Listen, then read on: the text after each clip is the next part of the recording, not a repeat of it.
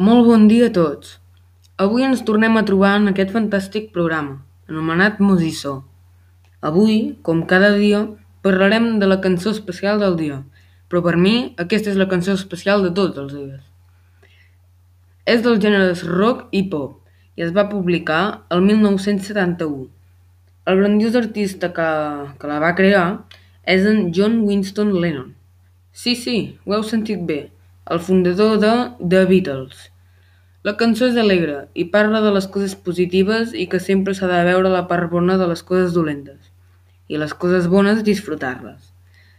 Bueno, crec que ja he parlat prou. La cançó que estic descrivint és Imagine.